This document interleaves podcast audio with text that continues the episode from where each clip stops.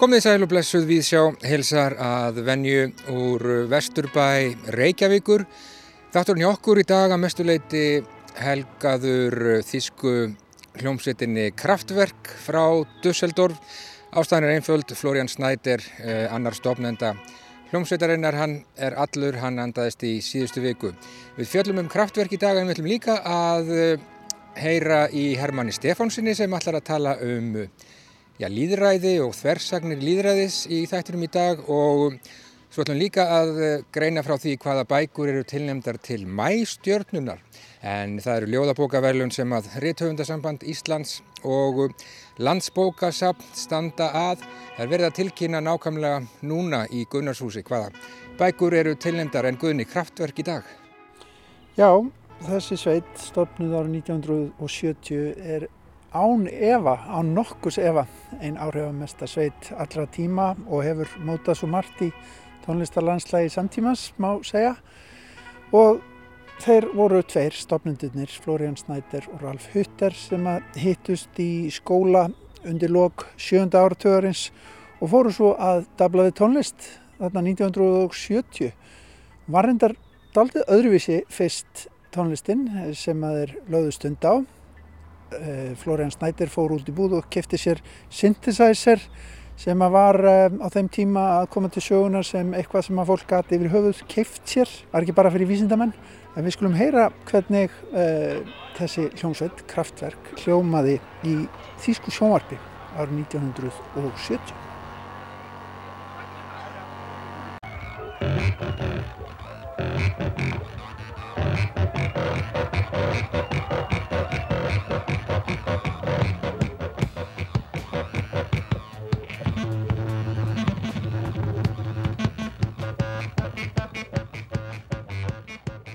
Þeir voru kannski kvorkikonur alveg með útlitið nýja innihaldið á reynd árið 1970 þegar þeir komið fyrst fram í Þýsku sjónvarpi þessir ungu menn í þætti sem að kallaðist Ringegja unga fólksins. Þessi Þýska hljómsveit virtist leika meira af kappi en forsjá. Nokkru áður höfðu tveir ungir menn, Florian Snæder sem að beitti fyrir sig flautum og fiðlu í fyrstu og synthesizer og Ralf Hutter sem að leka á eitt slíkan líka og á orgel hist í skóla í Dusseldorf senkt á sjöunda áratögnum. Skóla sem að kendur var við tónskaldið Robert Schumann. Samanáttuður eftir að skapa sér nafn sem verður eflaust álíka ómögulegt að þurka út úr vestrætni tónlistarsögu og nafn romantíkarsins, nefnilega kraftverk.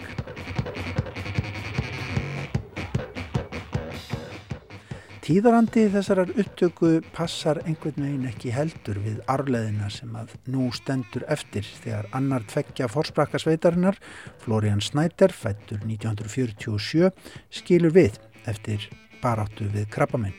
Hann lést víst fyrir viku síðan. Þessi sjónvasupptaka af henni ungu kraftverk er of hippaleg einhvern veginn, síð hippaleg.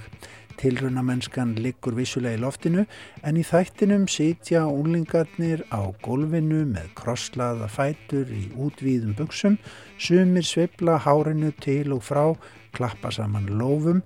Það eru þessir sem að sitja fremst og reyna í fíling Þeir sem að standa aftar í salnum eru hins vegar daldið hissa á svipin. Fyrr á þessu ári, þegar upptaka þessi er gerð 1970, má halda því fram að Evrósk tónlistasaga hafi breyst nokkuð þegar tvent gerðist þarna í Þýskalandi.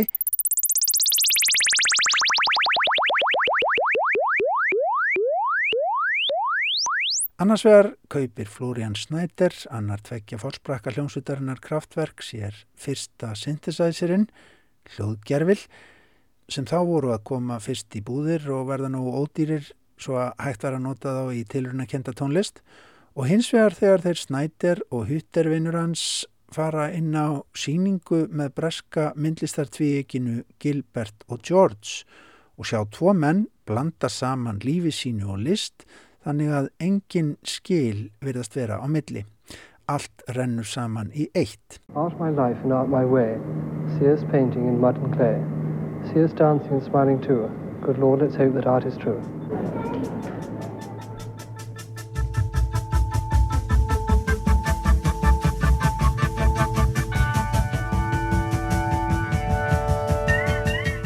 Fyrst er rockið eitthvað að þvælast fyrir ungumönunum en svo skerpa þeir á fagurfræðinni, bæta verulega í snirtimennskuna, ná fókus í lífsitt og list.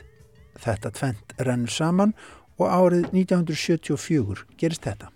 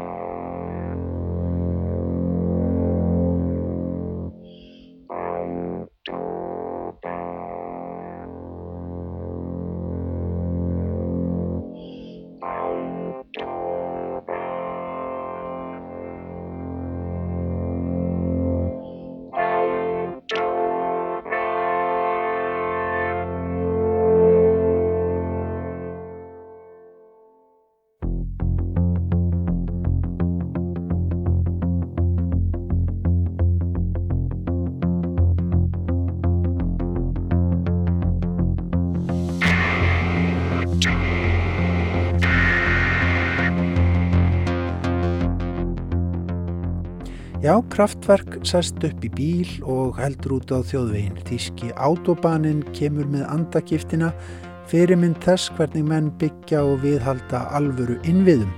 En við gleymum því aðeins hver kom vegakerfinu Þíska á. En það er voða erfitt að spara stóru orðin um þá plötu, þá hönnun alla, umslag plötunar, framkomuna sem að fyldi og einhver treinleika tónlistarinnar botnlaus áhrif sem að sveitin hafði í framhaldinu. Autobahn var ekkert fyrsta plata sveitarinnar kraftverk. Hún var svo fjörða. Þeir bara töluðu ekkert mikið meira um þær fyrstu þrjár. Þær voru eins og annað líf, lausbeislað krádrokk, tilrunamennska sem að kom framhaldinu ekkert eða lítið við. Útlitt og tónlist hjá kraftverk fóru að falla saman í eitt á hverju plötu. Það þótti oft nokkuð enkennileg blanda eins og tónlistamæðurinn Körver Tóruðsen sað okkur frá í Víðsjá árið 2013 þegar kraftverk var á leið til landsins.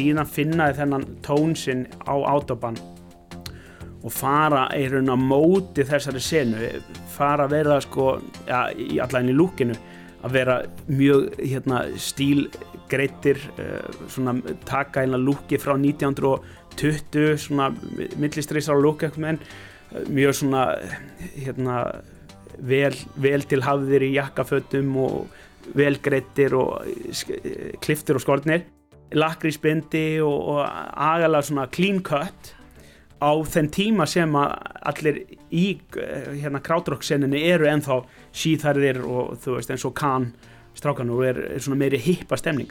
Þannig að þarna koma þeir eru með algjörlega allt annað lúk heldur en að er í gangi. Það er svona hippa stemning í gangi í heiminum allir síðarðir og að pæla og eitthvað svona. Þá komum þeir með mjög kald, kalda tónlist velræna tónlist kuldalegt lúk þar sem þeir eru vel til hafðir og ekkert heipalegt við á uh, þeir eru svona uh, er að presentera þannig einhver svona nýjan hljóðheim. Og þetta er mjög uh, hérna ákveðin pæling hjá þeim. Og þess vegna held ég líka að þessar eldri plötur sem að falla ekki inn í þennan gýra þær fá ekki að vera með, þær eru bara svona á undan. Og, og hérna og þetta þótti líka á sínu tíma alveg ótrúlega förðulegt sko hljónsett sem er að gera hreinar aftónlist, þeir eru líka hægt að nota þá rafbassa og önnu hljóðfæri, þú veist, þannig stundum á einhverjum á svona fyrstu plötunum flautur sko en fara fljótlega að fara með það sem er, það er melodýri sem spila og þverflautur byrjar að spila bara á, á synthesizera. Þannig að uh, þeir, þeir verða mjög svona alien í heimi síðara hippa og, og pælinga um heimin og tilröna að, að fá hérna velræna reyna drengi að spila á einhverja nýja synthesizer og alveg nýtt hljóð undir pælingum Stockhásens með hérna, hérna ný tónlist fyrir sagt, nýjan heim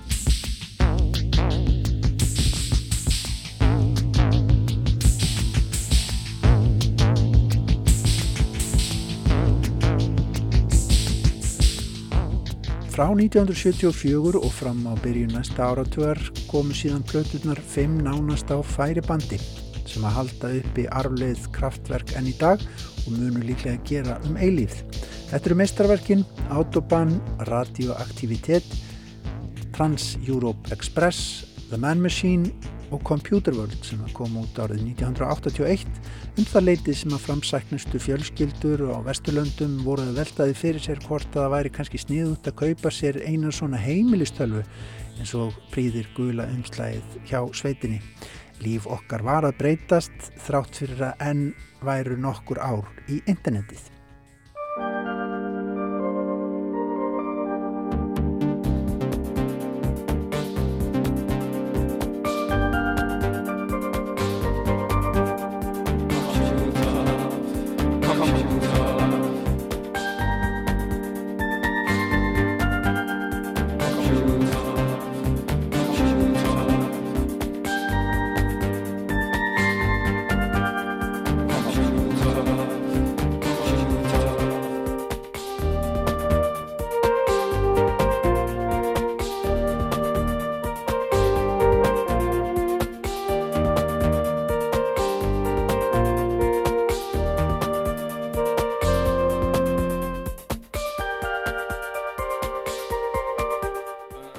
Einmitt þetta sem gerir kraftverk einna merkilegasta.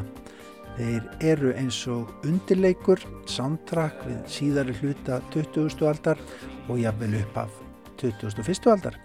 Tæknivæðingin, samskiptabildingin, neistluhyggjan, gingdalus yðnvæðing, smárar í tölvum, geimferðir, neónljós og ofurborgir, tengsl og tengslaleysi, kjarnorkuógnin, gerfigreind og útvistun vinnuafsins. Fjórða yðnbildingin er einhvern veginn lungu búinn og farin í verkum kraftverk, kannski svo fymta og sjötta líka, hvað veit maður. Tónlistsveitarinnar varð hljómur samtíðarinnar en samt alltaf þannig að samtíð, fortíð og framtíð runnu saman. Og þannig er það líka enn með þessa gömlu músik. Það er þessi spenna millir framtíðar og nostalgíu sem að enginnir hana. Spenna millir tækniframfara og úreldingar sem heldur fagurfræðinni uppi.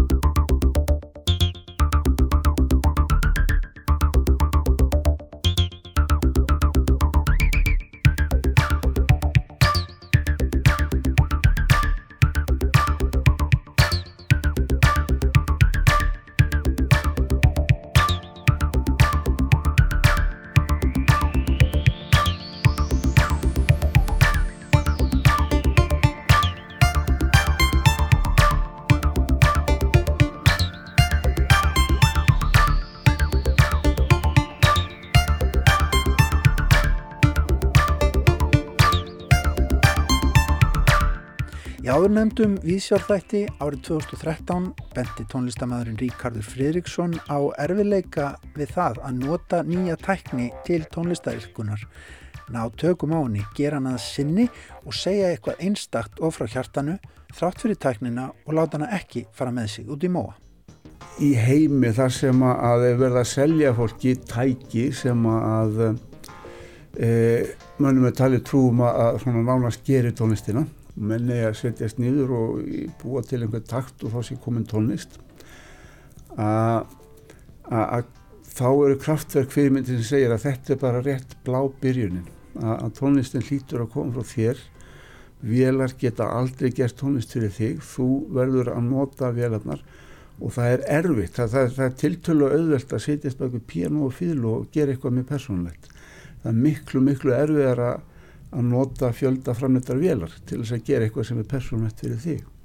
Og það er þar sem er bera, bera höfu og herðar yfir 99% af öllum öðrum ráftónlistamannum að þeir hafa komið sínum persónuleika alla leiði gegnum allt þetta vélbatteri og þeir hafa gert það með rosalega miklum aga og rosalega mikillir vinnu sem er akkurat sem er verið að tellja fólki trúum að ráftónlisti auðveld. Uh, já, það er auðvelt að gera eins og allir hinnir en ef þú ætlar að skera þig úr vera spes, þá er það rosalega vinna. Og, og, og tækin hérna þau nánast þælast fyrir. Þannig að maður ber fjórfaldar virðingu fyrir þeim sem geta nota þessi tæki og komið persónuleikanum allarlega í gegn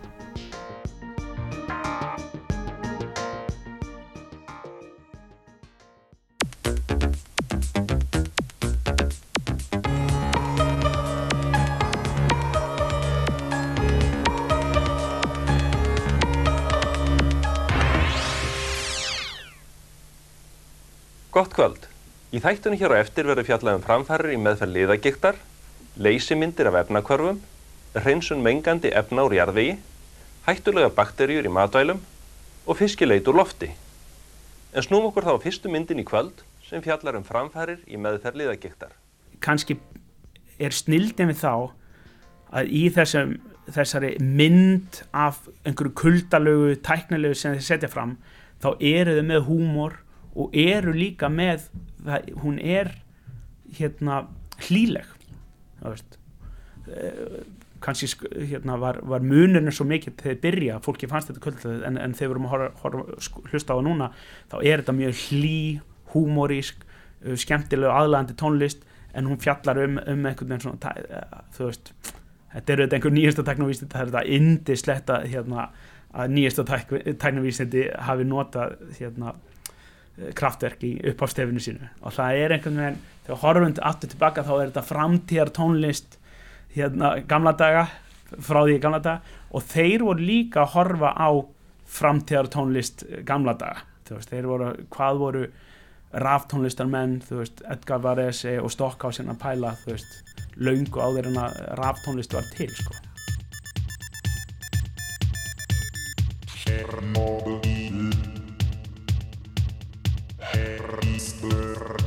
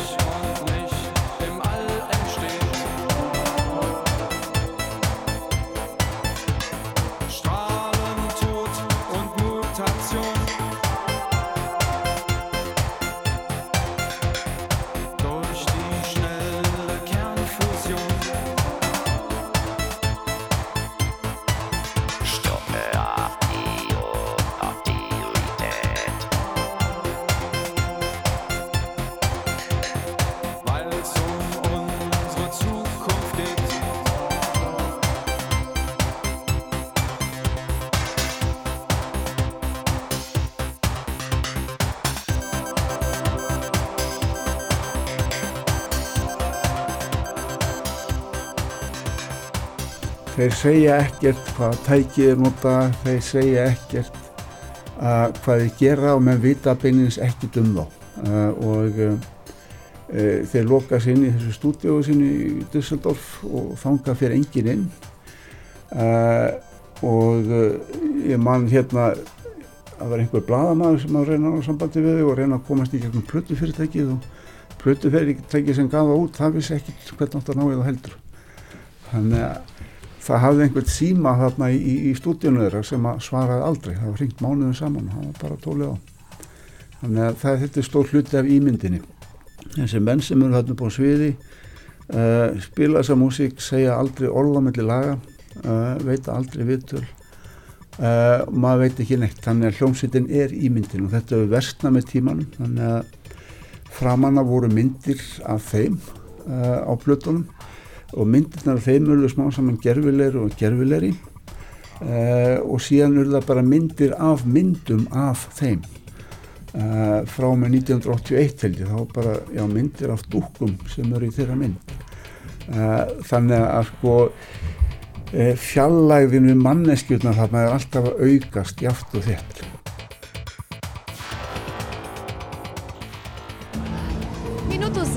começar o show mais esperado da noite do Kraftwerk, Florian Schneider está aqui no computador dando uma viajada na internet com uma Cybergirl. Eu vou perguntar para ele o que, que a gente pode esperar desse show de hoje à noite.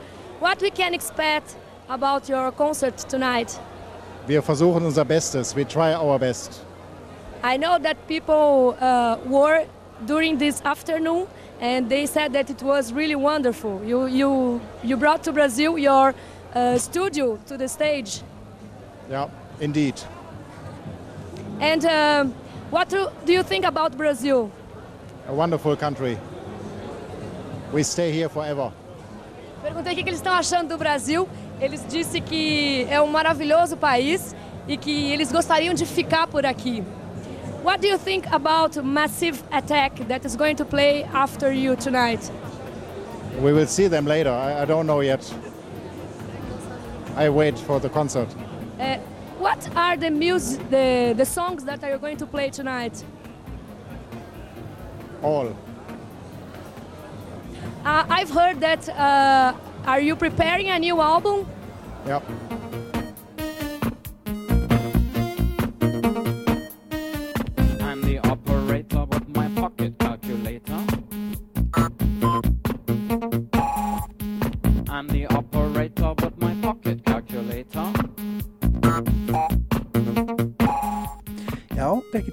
Taka viðtal við Florian Snyder eins og þessi brasilíska sjónvaskona fekk að reyna í Rio de Janeiro árið 1998.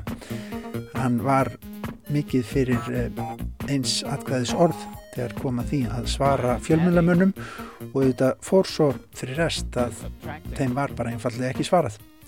Tónlistin var látin tala, tónlistamennir eins og róbótar á sviðinu auðvita, gráir fyrir játnum, ekkert grín í gangi, allavega þá nokkuð djúft á því. Fjölmiðlar út um allan heim minnast auðvita Florian Snyder annars tveggja stopnenda kraftverk þessa dagana.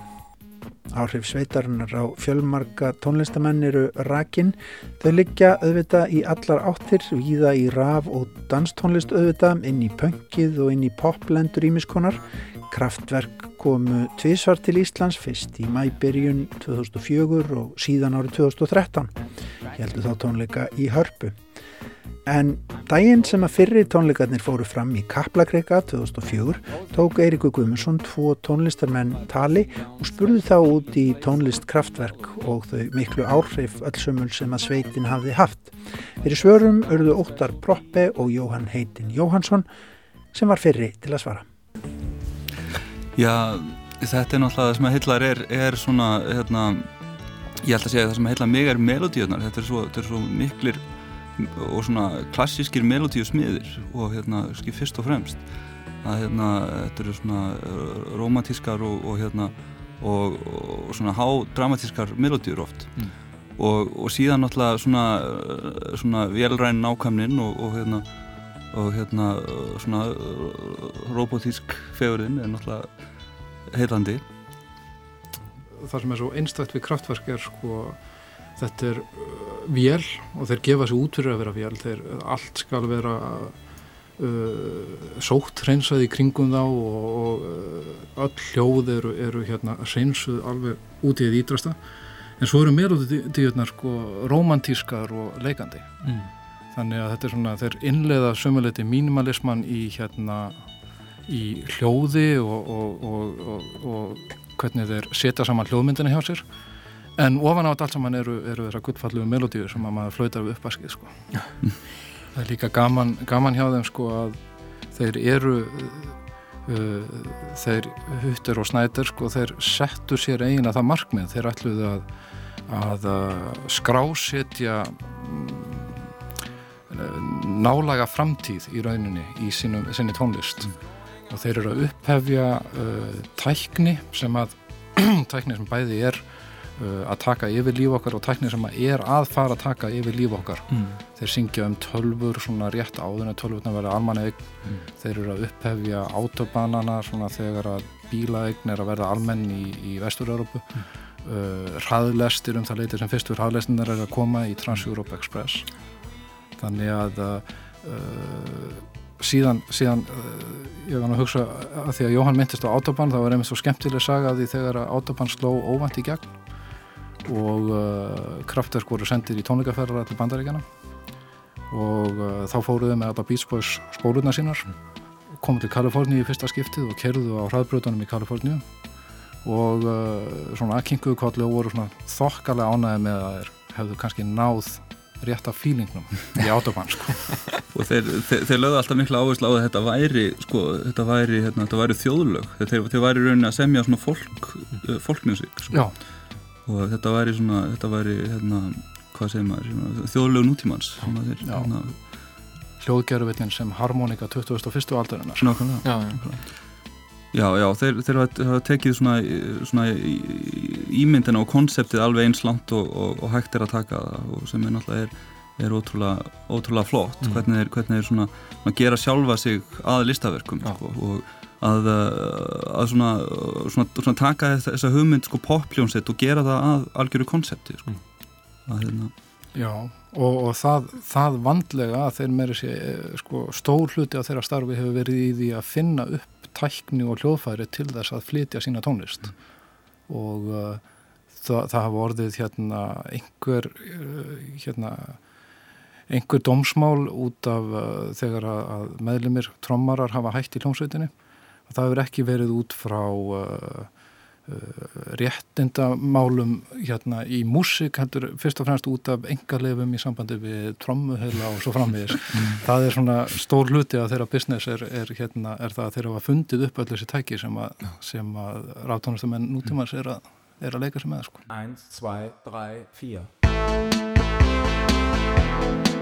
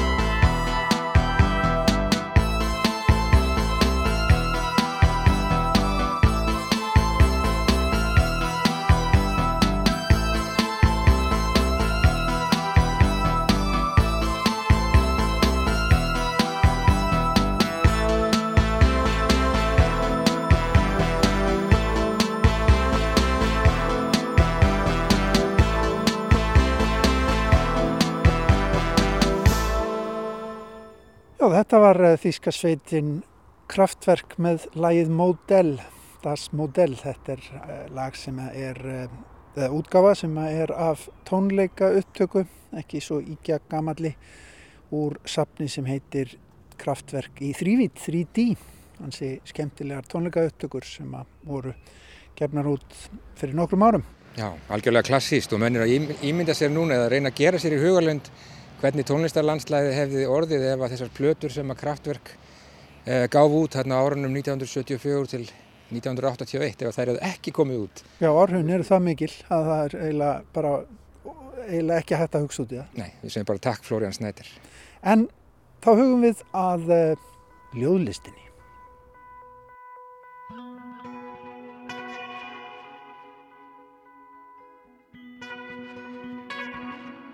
Já, nú á fymta tímanum þá var tilkynnt við eh, hátíðlega aðtöfni í Gunnarshúsi. Hvaða ljóðabækur eru tilnemdar til mæstjörnunar að þessu sinni? En mæstjarnan þetta eru ljóðabókaverlun Rítufundasambands Íslands og Landsbókasaps Íslands. Þetta eru velun sem hafa verið veitt uh, þrísvar sinnum og verða veitt í fjórðasinn núna í mæ og uh, gjaldgengar til uh, þessara veluna voru allar útgefnar íslenskar ljóðabækur ársins 2019 sem að uh, skila var til Landsbókasaps Íslands Háskólabókasaps og uh, domnemnd fjallaði um þær en hana skipuðu þau Guðrún Steinþórsdóttir fyrir hönd Rítufundasambandsins og Arnaldur Sigursson fyrir hönd Landsbókasapsins.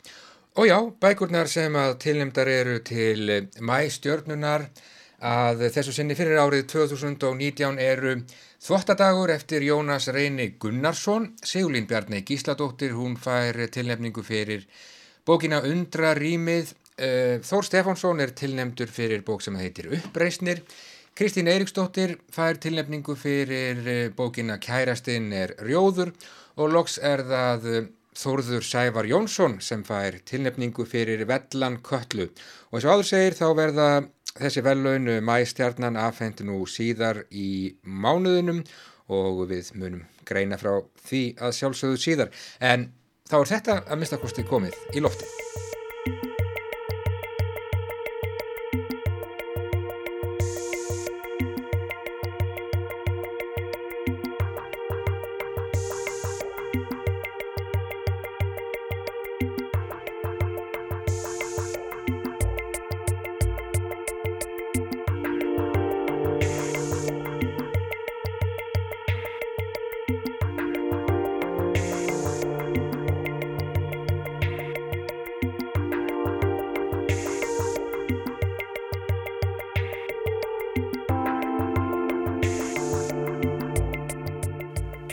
Treysti Scarface plakati, korktöflu með minnismiðum, postkorti frá Búkett og svo litlu mosa í hekluteppi.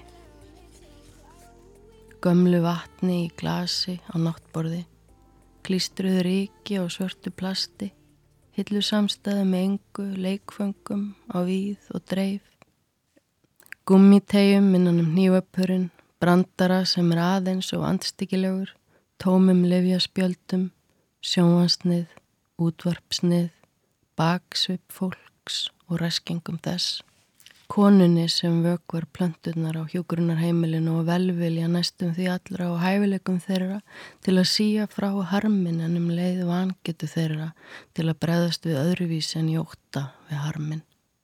Allskáðri konu sem gengur heilanótt um götur borgarinnar og fær sér aldrei síkaretu, ekki eina einstu. Gólfinu næstum stólunum um það bylkuðungi á glukkasillu handkleð á höfði, stólunum sem þú setur á snýrðunum, snýrður að mér.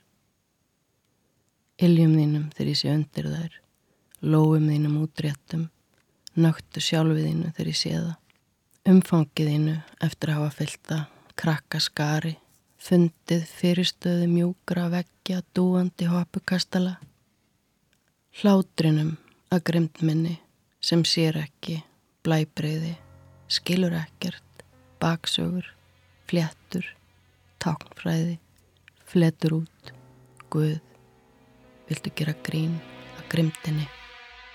I feel so cold. All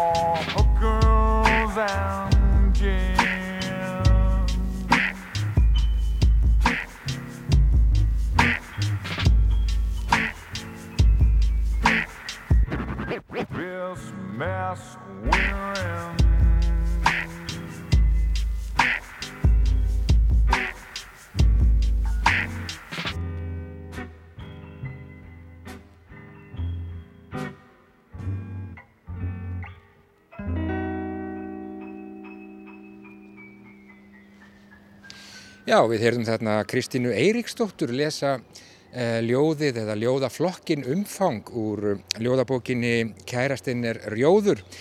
Einn þeirra bóka sem að tilnemdi er til mæstjörnunar að þessu sinni, fimm bækur tilnemdar og já, velunin uh, afhengt síðar í þessum mánuði og við fylgjumst að sjálfsögðu með því. Uh, Kristín þarna rækilega stutt af uh, annars vegar Björk og hins vegar Portisett. Það er ekki ónýttu félagskapur. En Hermann Stefansson, hann er búinn að senda okkur pistil, hann er með hugan við líðræðið, já, eiginlega við líðræðið og einræðið ef út í það er farið. This constitution is nothing but a license for oil companies and foreign interests to destroy my beloved Wadiya. Í kvikmyndinni Einræðisherran eða The Dictator eftir Sacha Baron Cohen heldur Einræðisherran Aladdin frá ímyndaðaríkinu Wadiya ræðu fyrir fullum sal í sendiráði í Mandaríkanum. Why are you guys so anti-dictators? Imagine if America was a dictatorship. You could let 1% of the people have all the nations... Hvað hafið eiginlega móti einræðisherrum? Hugsið ykkur ef við bandaríkjanum ríkti einræði.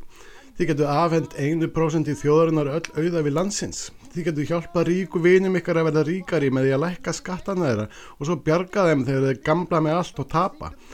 Þið getur hunsað þörfinn að fátaku fyrir heilbriðiskerfi á mentun. Fjölmiðlarnir ykkar myndu líta út fyrir að vera frjálsir en lúta á laun stjórn eins manns og fjölskyldu hans. Þið getur hlera síma, þið getur pintað útlanda fanga, þið getur fyrta við kostningaúslit, þið getur logið til um af hverju þið farið í stríð, þið getur fyllt fangilsinn ykkar af einum tilteknum kynþætti og enginn myndi kvarta. Þið getur notað fjölmiðlarna til að ræða fólk til að stiga stefnumál sem ganga þvert gegn hagsmunni þess. Ég veit að þetta er erfitt fyrir ykkur bandarækjumenn að gera ykkur í hugalönd, en reynið. Ég skal segja ykkur hvað líðræði er. Líðræði er það versta. Endalust málæði, sífjöld er hlustað á hvaða heimskulegu skoðun sem er og að hvaði allra telur, sama hversu fatlaði eða svart eða hvennkins fólk er. Brandarinn er auðvitað sá að í fáfræði sinni telur Aladdin í lofræðinu um einræðið upp helstu ámælisefnin við líðræðislegt samfélagi í bandaríkunum, fremur en dásemdir einræðis í einn ríki. Hann heldur því óvart fram að munurinn sé engin. Þegar kemur að göllum líðræðisins nefnir Aladdin fyrst endalust málæðið. Líðræði er ekki en skilvirt og einræði. Þetta er einföld og alþægt staðrind. Nú er skilvirkni auðvitað skelvilegt orð þegar það er notað í sömu andra og einræði. Ungverjar slóu nýverið þing sitt af skilvirkninar vegna á tímum faraldurs og verður í reynd einræði.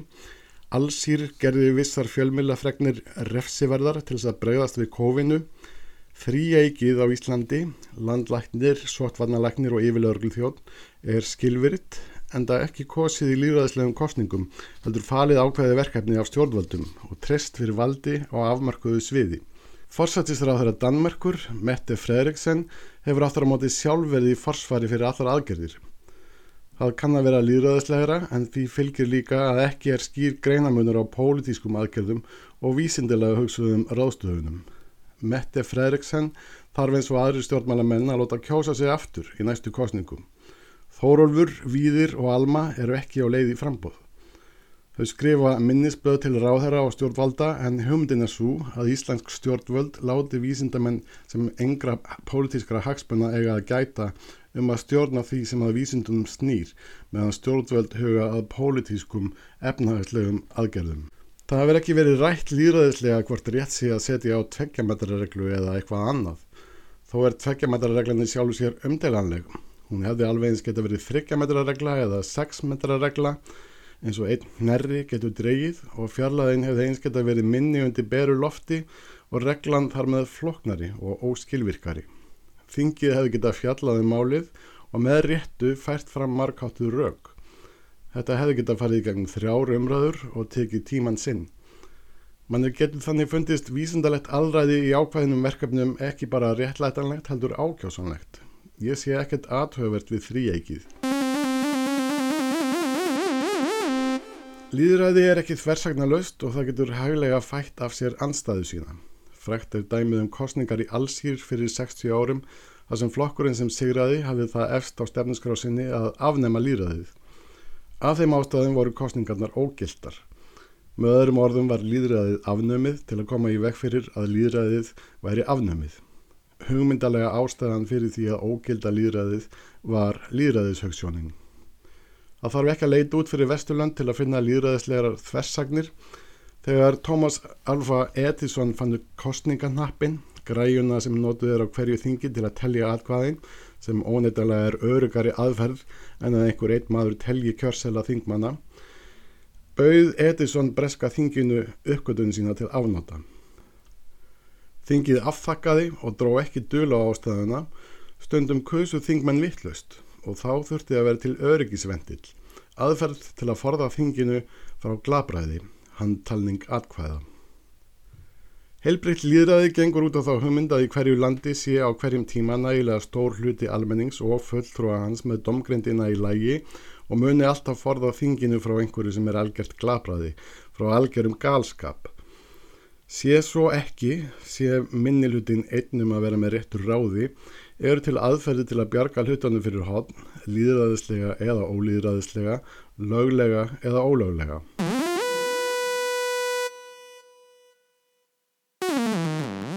Mér langar að taka lítið og fallegt Íslands dæmi um líðræðis klemmu.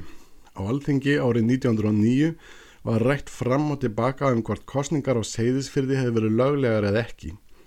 Málið snýrist um nokkra atkvæðasæðla sem áhöld voru um hvort heldust gildir og hvort þar þurfti að kjósa að nýju.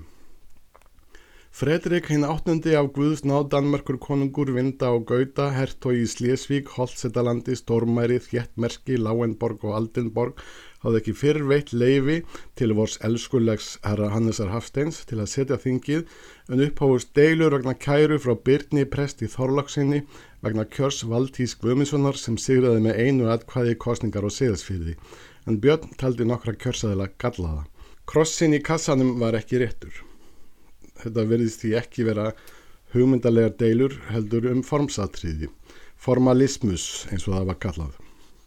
Það var lengi þráttað og skipu nefnd og óvisa ríkti um hvort hinn þingmaðurinn teldist þá réttkjörin ef kjör valdtís var ólöglegt og uppnám um hvort alþingi hefði úrskurðarétt þarum. Engin ræðumanna fekk sér til að segja beinlinni skefjalausan sannleikan um ástæðunar fyrir öllu þessu málaði. Þá til Kristján Jónsson, þjóðkjörun þingmaður borgferðinga, lumaði því út úr sér sem kvíslað hefur verið um í líðasölum að á segðisverði hafi menn gengið í hópum að kjörborðinu svo ásirkomnir að þeir hefur ekki vita fótum sínum forráð við kostingarnar. Með öðrum orðum voru seðfeyringar svo sót alvaðir að þeir átti í mesta basli með að hitta krossana í kassana þegar þeir náðu þá að skjögra inn í kjörklefan.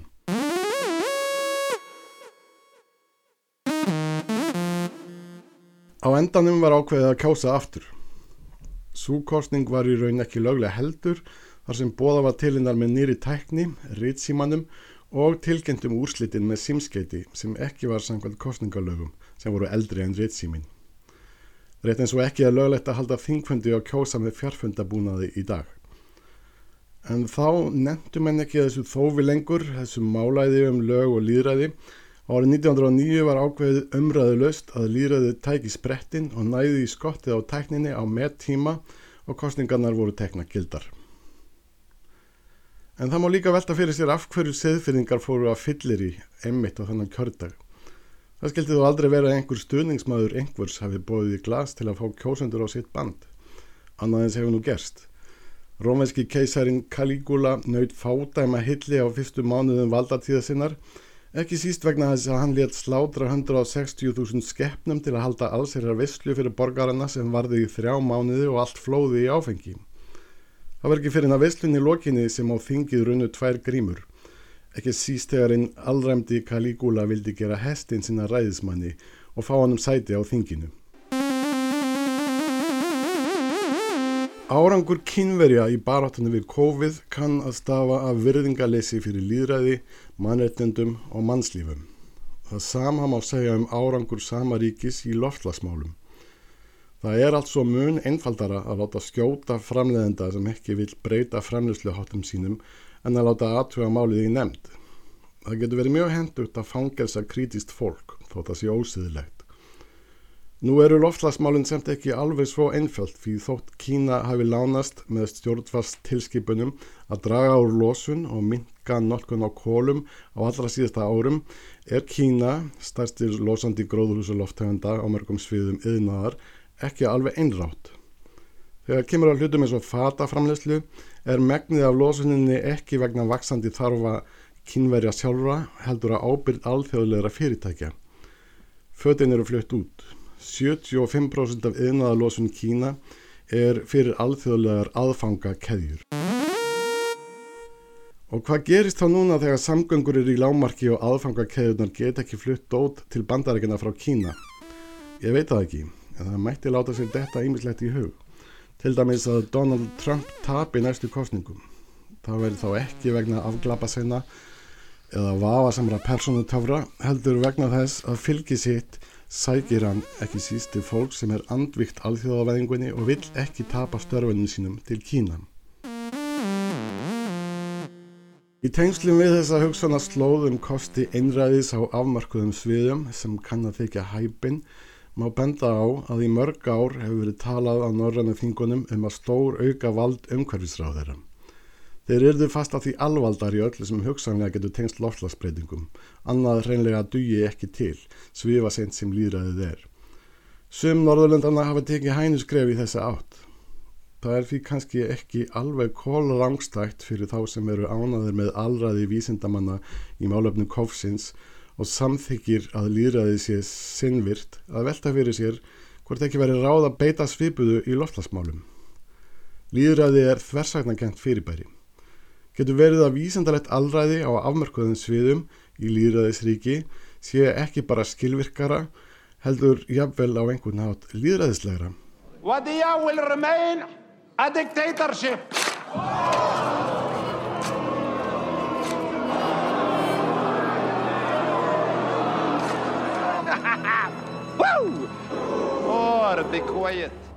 Já, Herman Stefánsson þarna velta fyrir sér líðræðinu og bauð þarna upp á harbeitta ádeilu úr uh, kvikmyndinni The Dictator þar sem Sasha Baron Cohen fer með hlutverk einræðisherra og skýtur niður amerísk líðræði í leiðinni, rækilega. En frá líðræði og einræði þá höldum við aftur í, já við snúum okkur aftur að ljóðlist og er þetta ekki bara síðasta Uh, ljóð fyrir þjóð sem við heyrum í viðsjá að þessu sinni að minnstakosti. Jú, einmitt. Leikona gengur á svið í þjólkusnu. Ágæti leikúsgestur, Álfheiður Ingolfsdóttir. Vertu hjartanlega velkomin í þjóðleikhúsið. Vinsamlegast slögtu á farsímanum þó svo að ljós frá honum trubli ekki aðra gesti. Góða skemmtun.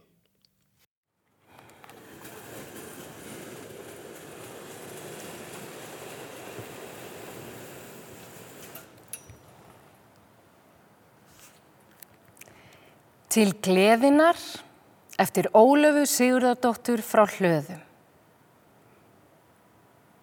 Hve elska ég þig gleði með gistlana þína. Án gleð er ég umlega stödd. Þá sólbrós þitt skínin í sálina mína, þar syngur hver einasta rödd. Og þá vil ég öllu því lifandi líkna og lofa því gleðin að sjá. Allt mannkinn þá vil ég af miskjörðum síkna og mildinni konungdóm fá. Þú opnar það besta sem eðli mitt geymir og uppljómar dimmustu göng. Svo ljósið og hitin að hjarta mér streymir og hugurinn fyllist af söng. Því elska ég þig, gleði, með andlitið bjarta, sem áhugan kveikir og þór. Þinn bústað sem oftast mér hafðu í hjarta, þú huga míns syngjandi vor.